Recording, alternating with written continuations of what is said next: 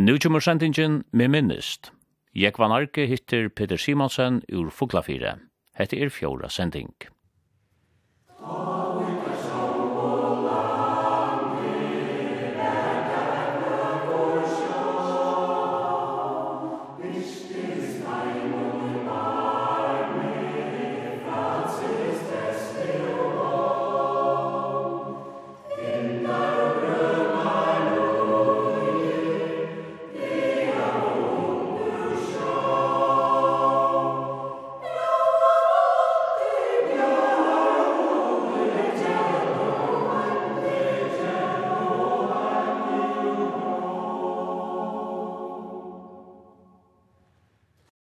Peter, du har haft AHA for idrotten, og du har vært formøver i UF at skifte i Østen. Jeg var formøver i UF i 1988 til 24. Fåbalteren og håndbalteren tar vær lukka som kvært vinner møy frema og i bygden at han har at fagbandsmødlet var kommet i 6,5 Det som var mest ukka de første årene her at han har Det var håndbølsen, det var salt. Men uh, da vi kommer til midt i trusjonen, ta er det lukka som tar koppar iver til fotbølten. Men det var så aktuelt vi håndbølten ta at vi landa lottøk og i Kjamannen og i Bestedølten i 1925, Nok ikke vi en så øyla gau nurslind av vissa, men vi var vi her. Men kvinnenar, uh, ter lottøk og i håndbølten til kvinnen og i Nasbestedølten, ja. Og vunnet han døltene, tror jeg er det, jeg halte var på 2 trus til 4 trus. Så håndballen var rettelig enn jeg fremme ta. Men um, da vi så kom til 5 trus, 6 trus, ta lukka som koppa da i vår hivi.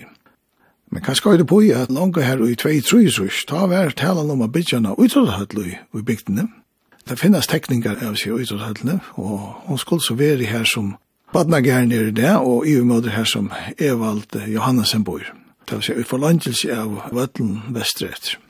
Men uh, det som hender til er så til at uh, fotballet vinner fram, og så vil man heldre gjøre et idrottarhus eller UIF-hus som tante ved fotballen bedre. Det vil si at man har i omklingarrom og høler til felagsvirksomhet som har i fotballet å gjøre.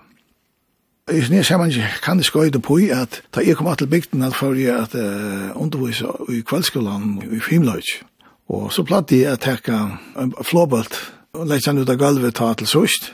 Og av hun fyrir her som var så mykje større at undertøkan til filmløgjen ble større. Så jeg fann hun her at nok det var filmløgjer som folk kom til, men det var flåbaltren. Og vi byrja så mye mivisa flåbaltsvenjing, heten 24-48. Undertøkan ble bedre og bedre, og ble rymlig nekk for li som lothåg i flåbalt av mannfalkasøyde. Vi etter en fors og en fors flotte vis opp i beste døltene. Og kvinnerna kom og synte søttene vi, men der kom så kanskje en 3-4 år søttene, og flotte øyne opp i beste døltene, alt gjort, det var fem og fors. Men uh, hvis vi vent atter til fotball, så var det sånn at det begynte å suttjas atter at fotballen virkelig har tisjer om rødt. Så i unglingene vinna vissingastandmyndene i 1,4. Og i 45 ble det fargemeister i unglingene. Så her var det tydelig at det var grundanlega for nøkker og høyr enn bare tepa fyrstand hold mot Hapi og, og mot Kai vi stavren og tølum. Og hei, hette tog jeg skal jeg finnes en uslending som heter Ørn til at arbeide vidt om en yngre løygerne. Han gjør et ekkelig godt arbeid. Søttene kom en som heter Ken Weberly, en ansmauer. Og han var så venner i, hadde jeg tvei-tre år, til uh, sommer i 88 Og ta tekur vi sikur Rasmussen Ivor, den sørste parten av Arnon, og vi prater vi med, sier han nett om at jeg tog jeg skal gjøre, at han holdt seg i spilleren til som sørste større av. Jeg trykker på at ikke at tid kunne bli fargermøstere. Og det var just det som hendte i Nudjafjers, at uh, mennene ble fargermøstere i fotbollen.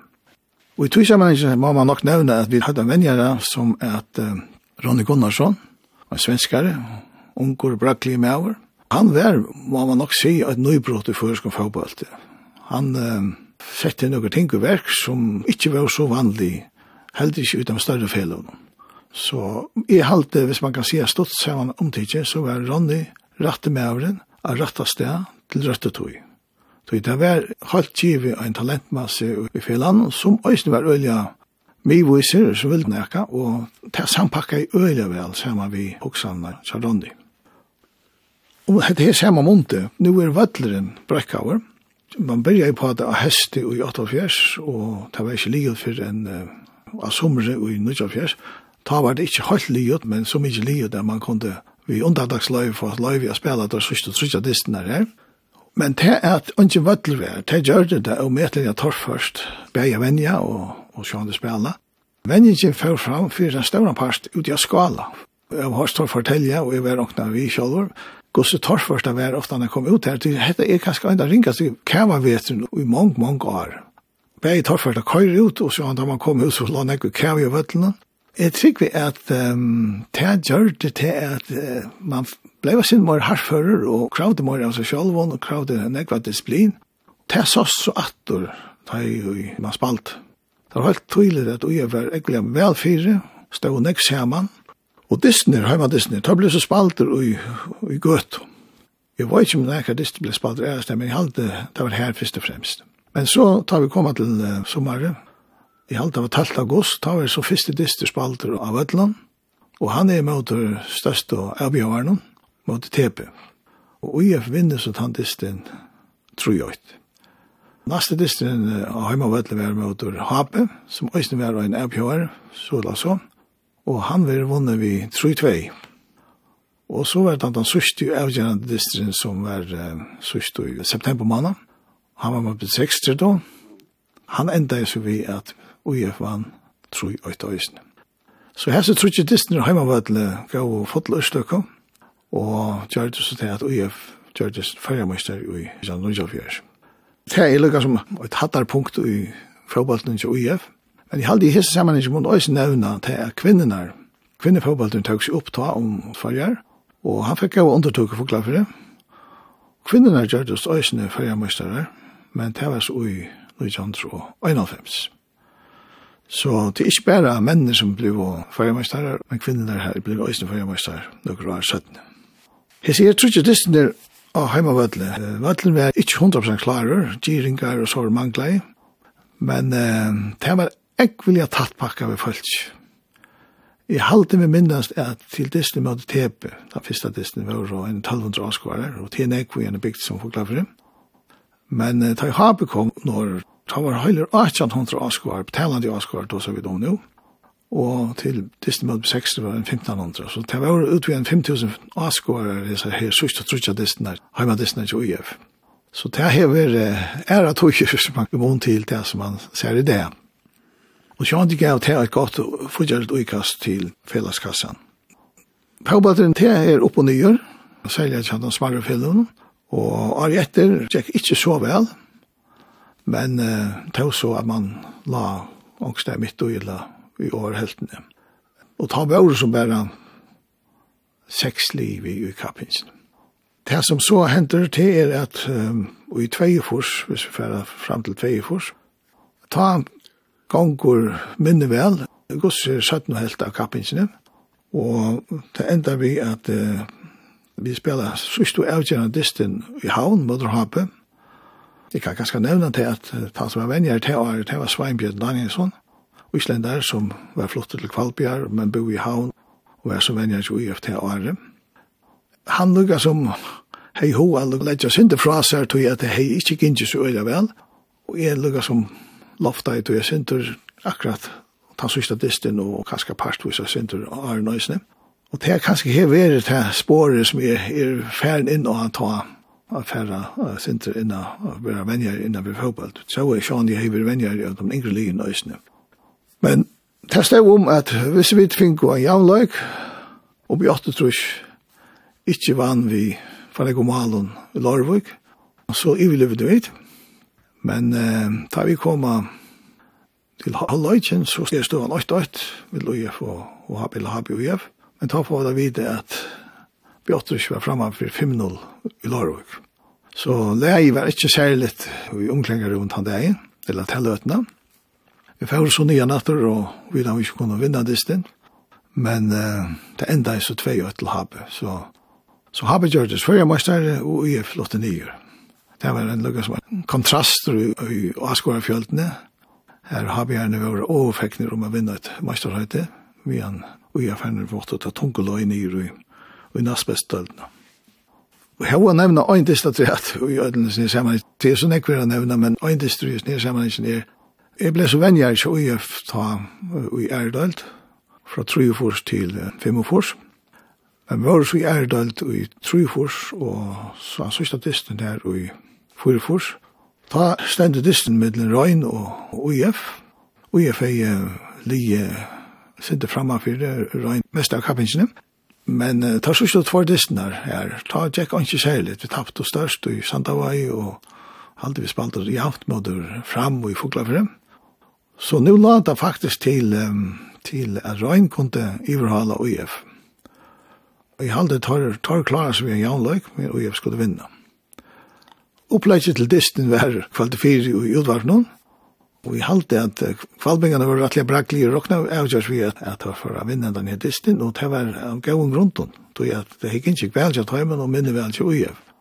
Men ujev var var mors haulir og var av det beste av kvarta søgnen. Men det som det enda vi tar var at ujev vinner distin, tror jeg, 8. Var det kvalbingene, og Det var en ekvelig opplittande heimfyrt på dagen. Hivi så kan jeg føle vi kvalpen kan gå så månt det måtte føles det at man ikke kunne få det morstarheide som for første for kanskje la så tatt opp at jeg får og da man spalte den siste disten og heimavødlen. Men uh, det enda så på at han måtte han og jeg spalte best dødlen 45, men men kan ikke at jeg lever her og flott så nyr at så har det vært nok snakk opp og nyer, så gjerne det. Og i hese sammenheng har vi hva nevna at det UF-huset til Arne var formøver. Og jeg kan skal nevna at undertøkene sjående tar jo ta av vel, så er undertøkene bygd ned en standhandel. Og jeg har også nevnt det fire timer som satt ned har sitt jo nevnt at jeg kunne yngst at de opplevde det velvild som, som vi som så til nevntene til UF, jeg sier ikke, og Arne, Tog at det var helt utrolig som oppbakningen var i bygdene for fellene. Og jeg vil si at det er vel det som skal til for at et fella som uja fella, de smarre fellene skulle iveleva og få røkka gavun og slutten, det er at bygden stendur atan fella, og øyda bøyer det, men at de stand atan, fellesskaperen vil stola over at heim som er tatt på at. i Arne var jo nok så fitta pengon lagde til Suyes.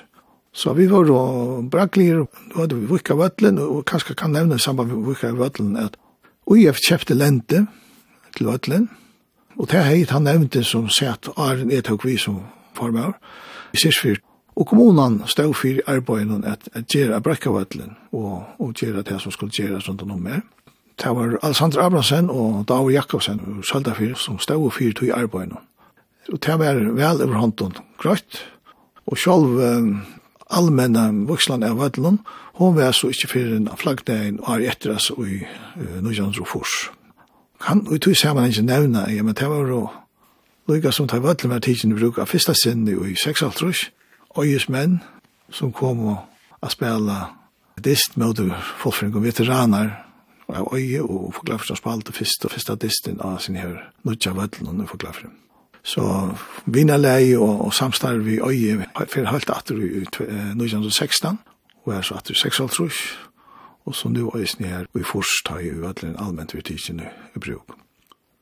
Atter til Ujefjøse, vi falt okkur så mykje vel fyrir at vi kunne fære under at innrætta han innrætta tjattlein. Ujefjøse var bygd i 66, men kom omgand så lengt at det ble innrætta vi omklengar rummen hos Harda. Den århatten ble underrettet, og hun var brukt så først og fremst til skolabruks, til skolakøk og sånt. Men eh, vi får så holdt vi det her, fink oss i just UF huset liot, kan man sige. Det kostet knapp og halva million, ta. Vi fink oss stål vei fra kommunen og fra landet til, til ändamål. Men eh, det som jeg nevnte jo an, at vi stål fra bygdafelsen, det var det fantastiskt fantastisk uppleva. oppleva hvordan la liminer, var vi og isnir arbeidin gjørt, så at det ber til å få det gjørst så bøyligt og så godt som gjørligt. Og tann dagen tar jo huset skuld en lukka som allmenn tekast i bruk, omklengar rommene. Som man så hukk ut om utanfor huset, ta vær det en lukka som sindri av en roløyka vi ötla møvlion eurodet som la her, og her var ikke gjørt han ekka trapper eller nekka som helst. De signalene fyrir ut til akkurat gau vi hans folk, Og så tok anker seg sammen og kjipa i fire, og på frisjadein, lejadein, ble alt snøkt kjørst utenfor huset. Fa sier for av og tøymanar, her stod og menn vi hekka, og her stod lastbilar vi grabben, og her stod handlerskar vi timpre, og, og her lødde menn flere av. Så vi fikk jo en pena snøkka fasad og nian for huset den her øyna deg. Og det visste gos Hos fantastiskt goa undertøk og fele i heie. Og huset ble så tidlig i bruk ta eh, om varri i Øynefors. Og ble brukt så lykka til at det ble tidlig nyer, og et nytt hus ble bygd av et ser april, et flott hus ble bygd her. Det var tidlig bruk i 2021 halvdige. Så det er syndrom uiafhuset. Men det at uia blir fyrjarmøystar, halvdige er gjer til at Estrogen kommer av fyrjarkorset tar vi tås om fotboll. Åren til var jo sånn det til store fjellene i HP og B6 og KI, TP, VP inn i midtelen, som lukket som var jo til dominerende fjellene innenfor fotbollen i fargen. Estrøtjen var slett ikke vi, og vånar og Nordstrøm var helt ikke, Nordstrøm var ikke løyte, da vi tog som landskaping. Mm Det var så kan man säga, vad var det var partvis vi vi bäge SU och MP og SEF. Men uh, de tog ikke til stiget som UF tog vi at melda seg inn i beste, i beste deltene. De tog vel ikke, man spalte seg opp i beste deltene til UF her, men man, man melda seg til dem. Men til at UF ble førmester, halte i ångsvegna i 20 uiblåstor. NSU var langt og vi i første delt i 46, men flott som nyer. Men så er det vi at i Nudja Fjers, sammen vi MP, og ta var man så færre til at det var åtta li i beste døltene.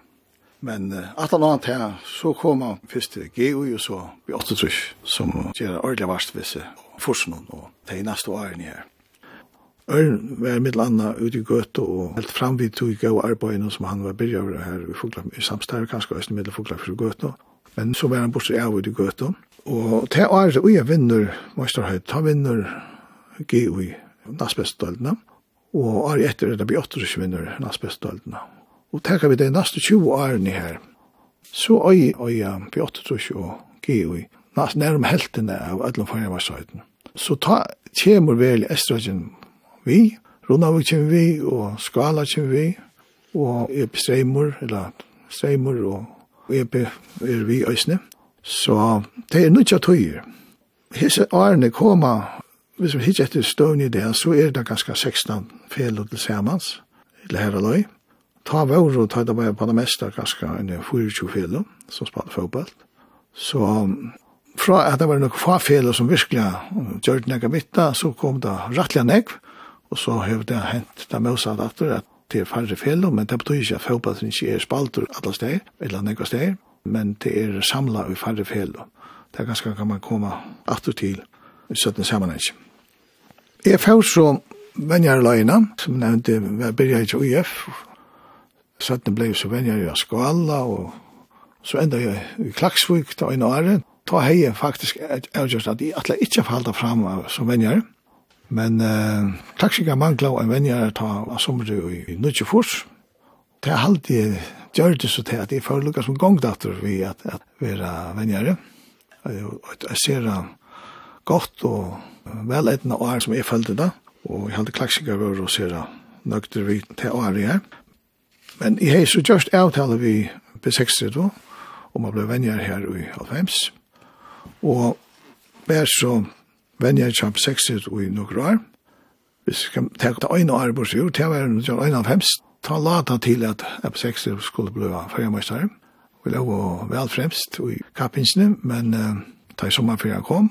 Men etter sommerferien ta Jackst ikke vel i hånd, og Da fyrsta distin at han var sommerstegjen, Vermøller Hape, han tappte vi så rotteliga, og uh, vigen etter spalte vi så steipa finalen av Møller Hape, og ta vunnet vi så. Så det var kanskje en løyen hending her, så spalte vi inte ära dister och mittel annat tappte mot Koi som var hej just stor framstid ta var väl av er fram och så begynner kanskje fjolter å komme av, tar begynner innhenta, og det ganger minne vel til åkken. Men den sørste distance stod så mødre HP, P60 til HP, eller HP P60, med en kaj skulle til Gøte å spille.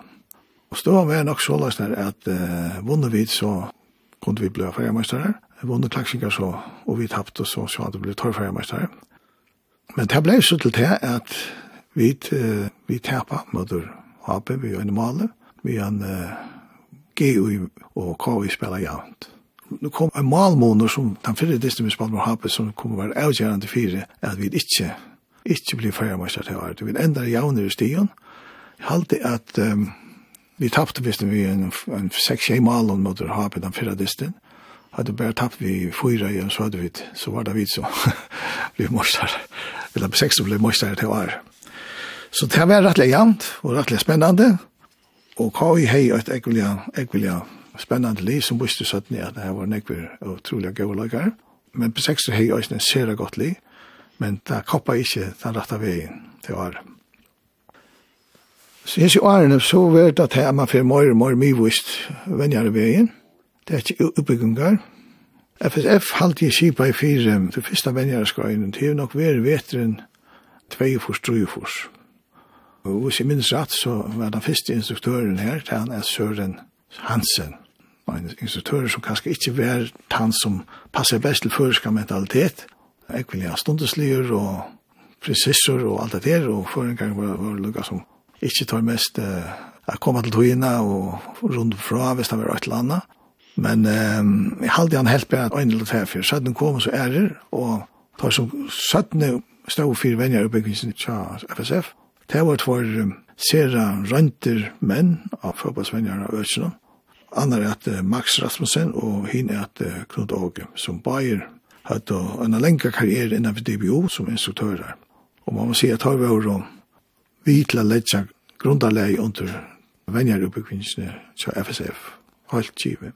Søttene kom en med over tre som er Jens Tang Olsen, som øysene var vi tar løyde fra seg til å omløy alderskifte, og Jens Tang helt så av øysene i noen år. Men eh, denne utbyggvingen som tar vi kort etter, til, hun var kallet grønn utdannelse, og hun enda i vi en utbyggving som er at elite trener utdannelsen. Og vi var en nødjo som tog og til utbyggvingene i nudjo 5. Men eh, så kommer um, og er for oppe i hele tiden, i samband med venner oppbygging, tar ferdig holdt vi at uh, harmonisere oppbyggingen her imse støyene, utom imse limalandene, så at man kan se at med hendan oppbyggingen som øyde til, og i Danmark er det samme som er i Førjen, eller Norge, eller Øsland, eller Tyskland, eller hva det er, at det hever alle øyde som og krøv, og som og trymer, og så er med innihalt. Og jeg får kjipa det såleis at man hever en C-oppbyggving som er for de aller yngste, og så B-oppbyggvingen som er for bøtten ung, og så en A-oppbyggving som er mer malrettet for, for seniorer, og så en pro-oppbyggving som er for de professionelle. Så det er fyra løgene som tar høyt om. Og i fargen skipet man det såleis at man har det er fyrst og trutjar oppbyggvingene, ikke pro, og medan de som atlasar det, måtte teka det ærestegir. Så vi, vi blev da vits for en gang første instruktører, særlig vits som hadde å tidsje elitevenner oppbyggvinsene, som blev instruktører av Hesson Skøyene. Til så tar vi to som avvenner oppbyggvinsene, så var jo jaunan utlenske instruktører til parster av Skøyene. Vi tar to, jeg kan få nevne okran, så kan jeg nevne Lars Lagerbäck være her, Morten Olsen være her, og, og Peter Bonte, og, og er kjenter danske instruktører, mitt Østene Heimer, til Íslandi, var eisne. Så vi har haft nekva rettelig kjentar venjarar som gav førskom venjar utbyggingen uiblåstor og hadde, hadde pastar av utbyggingen. Førska venjar utbyggingen ble så, den fyrre pastaren ble så gavkjentur i 2003 og den sattne part av utbyggingen som ble så gavkjent av UEFA i 2006. Og så gjerne vi hever så UEFA jaunan lukka som etter ettermett utbyggvingarna. Og i halde, man kan råliga si at um, inn i halde og, og støy og i føreska venjar i byggvingarna er fullt av hatt vi alla æresreier. Sjand urvæli av begge lotekaren og, instruktøren er kanskje ikke det samme som man kommer til Tyskland eller, eller Frankrike eller hva det er, men, men uh, inni hans lia og, og krøv i ære matar er og fullt av hatt vi teitja Vørenlånden. Så her er han ikke lukkast man skammast vi. Alle disse årene vær i møyla minne og på i blant av. Da vi tog som venner i byggingsene. Vær instruktører, vær vidla samskipa og såret. Så tar vi komma til 2000 og Tutsjo. Ta hei, kanskje vi er nok så lunge av vi. Og jeg fa sette Lukas med krev om at uh, fotballsambandet skulle ha en teknisk stjøra. Og en stjøra som hei nekvita fotbollsliga, fotbollsfagliga gera. Det vil si venjar utbyggving, eh, løygara menning, og i brøyast så sammenhenge, og landslig og, og så, som heller skulle stinka, stinka sin ut i korset, vi vil ikke hans nere. Det hei sikkert veri av nekra ferienar, men så i av var i 2012 så så ikke fotbollsamband etter en teknisk sjøra, Om samma månte var jeg kommet til det at sammanlegging var av landsbystøyen i skolabakgrunnen, Og jeg følte lukka som tøyen var kom jeg mer at sier farvel her og takka for meg. Og jeg søkte til starve så, og i fotballsamband. Og han ble så setter som teknisk kjøver ta av sommer i 2012. Og her var jeg så tidlig før i fotballsambanden i 2016, da jeg var blivet noen fjers år gammel. Men eh, jeg var så som teknisk kjøver inntil, inntil 2015. Ta ble så Peter Clemensen setter, Og jeg var så knutter et, og lukka som en sånn, som kom til. Stol og hånden sin starve, særlig rundt om det som er vi venner oppe i som gjør. Så her var det så til Seidjan. Hvis vi takka førskan fotballt, ja, så får han på i alt jeg var fotballt i halvfems, gos den første distrin. Og det var sånn at det var fire fyrrøygingar og det nekva rønter, man, om man skulle fære vi, og jeg tærer det ikke.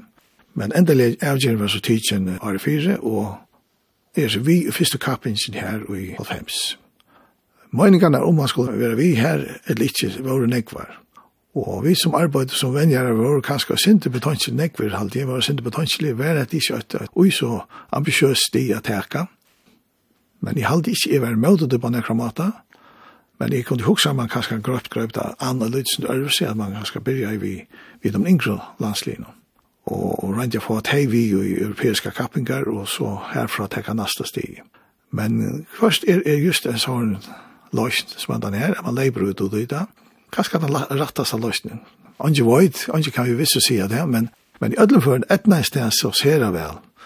Og jeg vet at du varst til en av første hifistadisten som vi er i landskrona, 12. september, og jeg ser at nian fyrir, sammen med Johan Nilsen, og en av den første venjaren legendo, og så hadde hukt etter sin nere. Jeg var i København ta om det måned, og før så vi busse, sammen med noen øreføring og nivå til denne diste. Og vi så det her og pratet av i bussen, og gitt om hvordan utslutt kunne være. Det var far som hadde en avgjøn om at det kunne enda nian for 5-0. Men fink vi et mål, så var vi Og da så ble 5-0 et eller annet, da ble 5-8 et eller annet, 0-8. Bare vi fikk et mål, det var en lukka som det som man får etter. Tøy Vendingarlisten fra undan hadde og ikke bent av at det var blod enn jeg ser litt. Men eh, det som hendte jo, myen vi så det her, det var, jeg men altså, han hukte klokken, nu 20 minutter faren, og her stod han framvis 0-0. Og så er det til at Torskjell skårer, og er, er det da vel et eller annet drømmevitt, altså. Og til at kunne klare å halde hans i støvna til distrin, var det jeg var støvna. Løyga i ekvillig, ekvillig harstad Det var en fantastisk uh, kjensla. Vi halte det gav så tann vivind som føreske fotballer har bruk fyrir ta, og gjør det til at alt var mulig. Og i snedet bytja en løykvøtla sengaskjære som kunne hysa føreske landstidsfotballer ta. Taftamento det vel at rui og hans bildkjenni så å få på Gjørstein en vøtlær, og det var helt fantastisk at det kunne megna til. Det er sjønt en ekve dyster at jeg minnes at det fra landslivs fjøpålte. Sjølver ble vi hjelparvenjer til Allan Simonsen og Natoi, for tve år fra 54 til 54-55. Og vi var sammen ved Russland og Finland, Grikaland og San Marino. Og sjønt hese landet var jo stersk og vunn noen rodelige. Men det var særlig en dyster minnes det da vi spalte i Russland, og da hadde jeg to øyne var svig, kvann. Og Jens Erik Rasmussen, han var vi Alinon og han spalte som fremste med over, og, og vi hadde nevnt det til at han skulle lure på seg kontramølagene som kunne oppstanda, så vi vi så kvart som distrin løy, og, og hinner ikke hadde skåret. Og jo, god hjelp meg så hendte just det at han fær en mølagene, og fær en fryrennere møte malmannen, Og han kommer lydstint ut i til sin vinstra bøyen og skal altså kippa bolten på boi malmannen, men jeg vet ikke akkurat hvordan det hendte, ikke, men han fær så ikke bolten på boi malmannen, men hatt av at han kilta løtan, her føringar kunne komme fram om og drosso. Men uh, det hendte ikke, jeg sier nettopp Jens Erik at han, visst nå jeg finner mal her, så var det ikke, vi har min flikkvaren til åkken, så var det færna ved til Tyskland, eller et åkker er sted, hvis vi har skåret, han, han tar mållaga. Søttene møter vi Russland i, i Svengaskær, og russar formalt brattelig og tullja, men stort at han er da Henning Janskur som jaunar. Og han kjensla var helt utrolig, men eh, så nekka sattni ut i halvøysen, ta er det ikke bare at vi da jauna nu, skårar tåte mal, så vi kom fram om 2-8. Og minnes det sier løtene, vi blir jo sånn, alle er forrest, begge avskårer og vi som var av bansjen her, Og jeg har røst meg opp, og Allan Simonsen skal lukka som renna for boi. Jeg tar ikke om han, og han var ikke så stor, jeg tar ikke litt igjen opp. Men det som jeg sakne til at, at jeg ikke har nekra mynd av oss nere. Man ser at han får renna, men man ser ikke til at jeg tar ikke han opp i fengi, og lukka som litt igjen opp fra. Men uh, så svært her. Men nå nevner jeg Allan Simonsen, og, og Allan Simonsen var... Uh, Paul var rette med over til rødt tøyene, og i førskolen landstidsfotball, der farger for på, i visste ikke ut tøy, at det var feir ære som høyt og megna just det som, som han gjør det.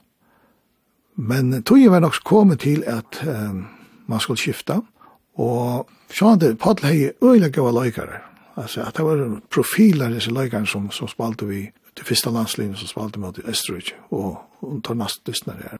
Østlund var rettelig gava Men uh, vi er nok kommet til at her skulle lukka som noen ting få oss på plass.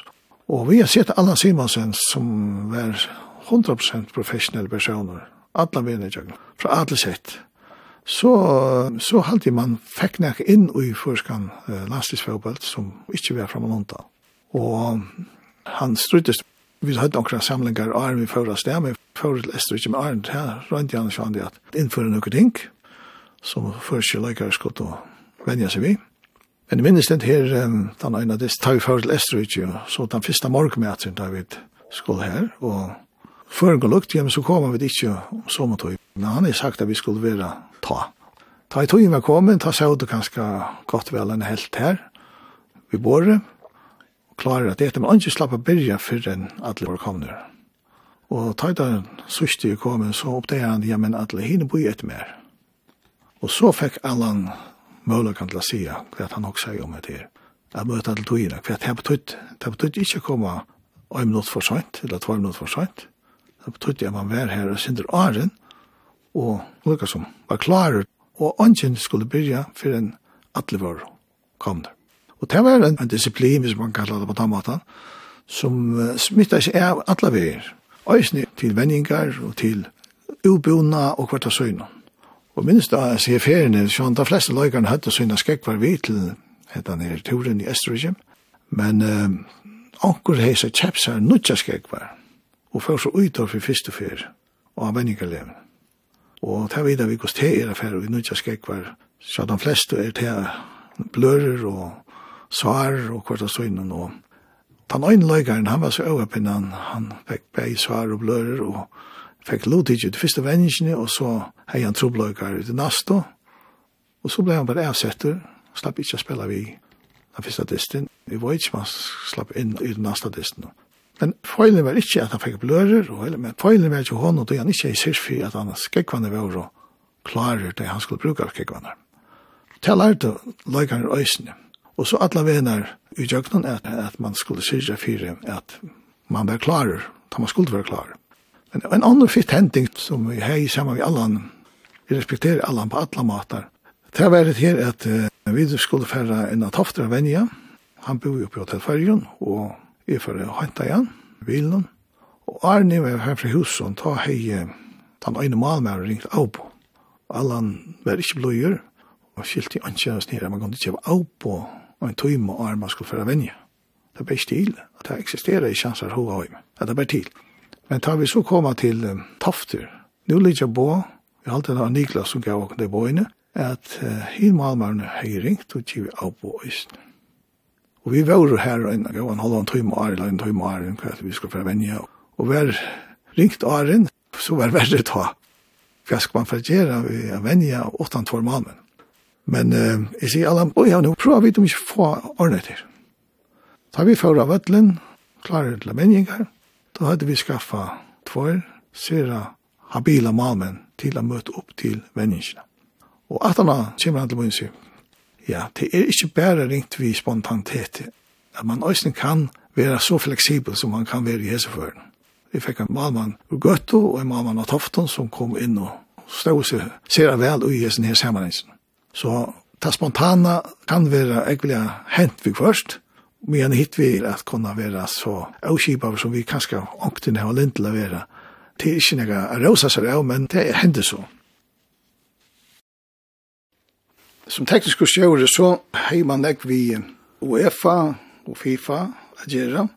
Det var för så det krev fra her som sambanden, altså UEFA, at att ett fotbollssamband skulle ha en teknisk stjåre. Og en teknisk kjøri, han hei som syne høvesarbeid, hvordan kunne vi menna fagbalten i Tøylanden. Samsons leta vei UEFA og FIFA penger til fagbalsambandet, til imensk ting, men man kan sige, megin reglan i Øtlund til er hvordan menna vid. Det er menning som så, som er likle året i Øtlund samstarvene vi UEFA. Og det utløser så penger, og med landa øyne penger til omsidningene og i fotballsamband.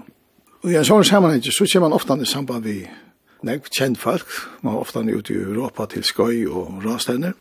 Og når tar jeg sitter og hittet fotball til sammen med Abba-bøten og hjemme, så kan jeg fortelle at de hantan her, her vi prater vi, han hantan kjenner jeg, og så er det jeg synes er forståelig. Men vi er løsent han at du kommer til å tatt på nekv kjent folk i en sammenheng. Og jeg har en fitta mynd hengande av en oppslagstalve her i skriftstolen er.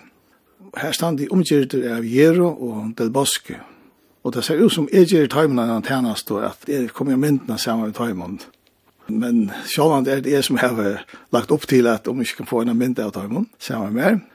Men det stått litt ødlens nere til er det her gos lukka til disse personene er om. Hvordan vel tar har fyllt vi. Altså, Jero, han vintes vel at det er frysparksmålet til Jens Kristian og sinne tar Färjar spalt mot Spanien, det långstäder i norra Spanien. Och han uh, mintes sådana händingar. En annan händing som jag kan ganska nämna i sin sammanhang, det var att jag var i Santa Petersburg. Vi skulle till en FIFA-röstävning här. Det var fyra gärna till HM i Russland och kanskje kom det så interessant om kvalitet. Her var det så ikke, og jeg folk å ta og gå og møter, at vi vanlig kjipa der fyre at man slapp i en busse til hotellet som er byggvann. Men jeg var så, og jeg fikk om på, så ble jeg bare boja, og så var det løtt ved ferien, da kommer de der til Sjams, venner jeg til Frankarøyke, og vi så det så sammen og pratet i taxabilen, og i cirka trygg og han øysen på samme måte, en, en person som kunne fortelle, han er nok spalt i farger, hvis jeg minns rett, men jeg kunne fortelle i minst øysen om farger, så han da veren er ikke Vi halda det att det är sån person man bara ser sjön och så är det tar hevigare på allt annat men tar det leva att vi stöjer som vi där och isne och vita om om och kom mer min. Och jag sa samma att möt man också någon person som man kanske hever se upp till så en länk löv och han personen som är kanske har vi hur nämna fram om alla ärar till Sepio som spalte i Portugal, Milano och i HM och i 66. Og det var et langt rastevne nere i Portugal. Tar OF over rastevne, så pleier det ofte en halva onkrar kjente støtner, altså fra Tylanten fram. Og det som jeg ser, ta nok av filmen i 66, som var den absolutte stjøtnen i 66. Og også den Toppskåreren, men han kom ikke i finalen, altså, han ikke nekker hamsmøysere, men, men allikevel, han var stjøtnen. Minnes han fører opp av padlen, og han sier en imis ting som var egentlig avhørt. Men alt som sitter etter, så han skulle lysa synder fyrr og nu.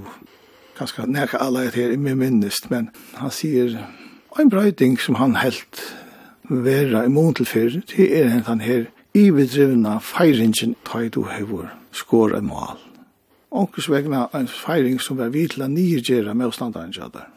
Og det passar ekkert vel vi den hukbor man kjente til da man sa han spela i 66 Hvordan ofta han var nye sparskaver og alt det der, men han visste alltid viring i motstanderen, og han ser, enda da han brenner et brottspark for han oppklapper malmannen og herrene, og sier at det var fantastiska flott bjerg og så videre.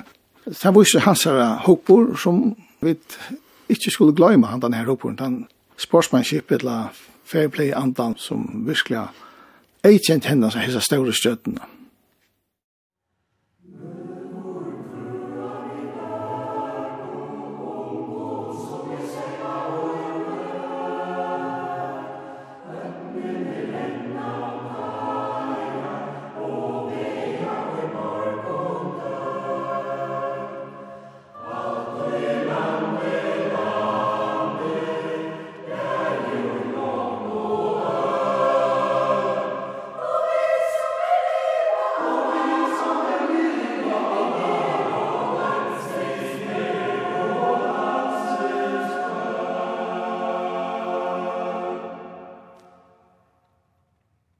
Hatta var sendingen med minnest.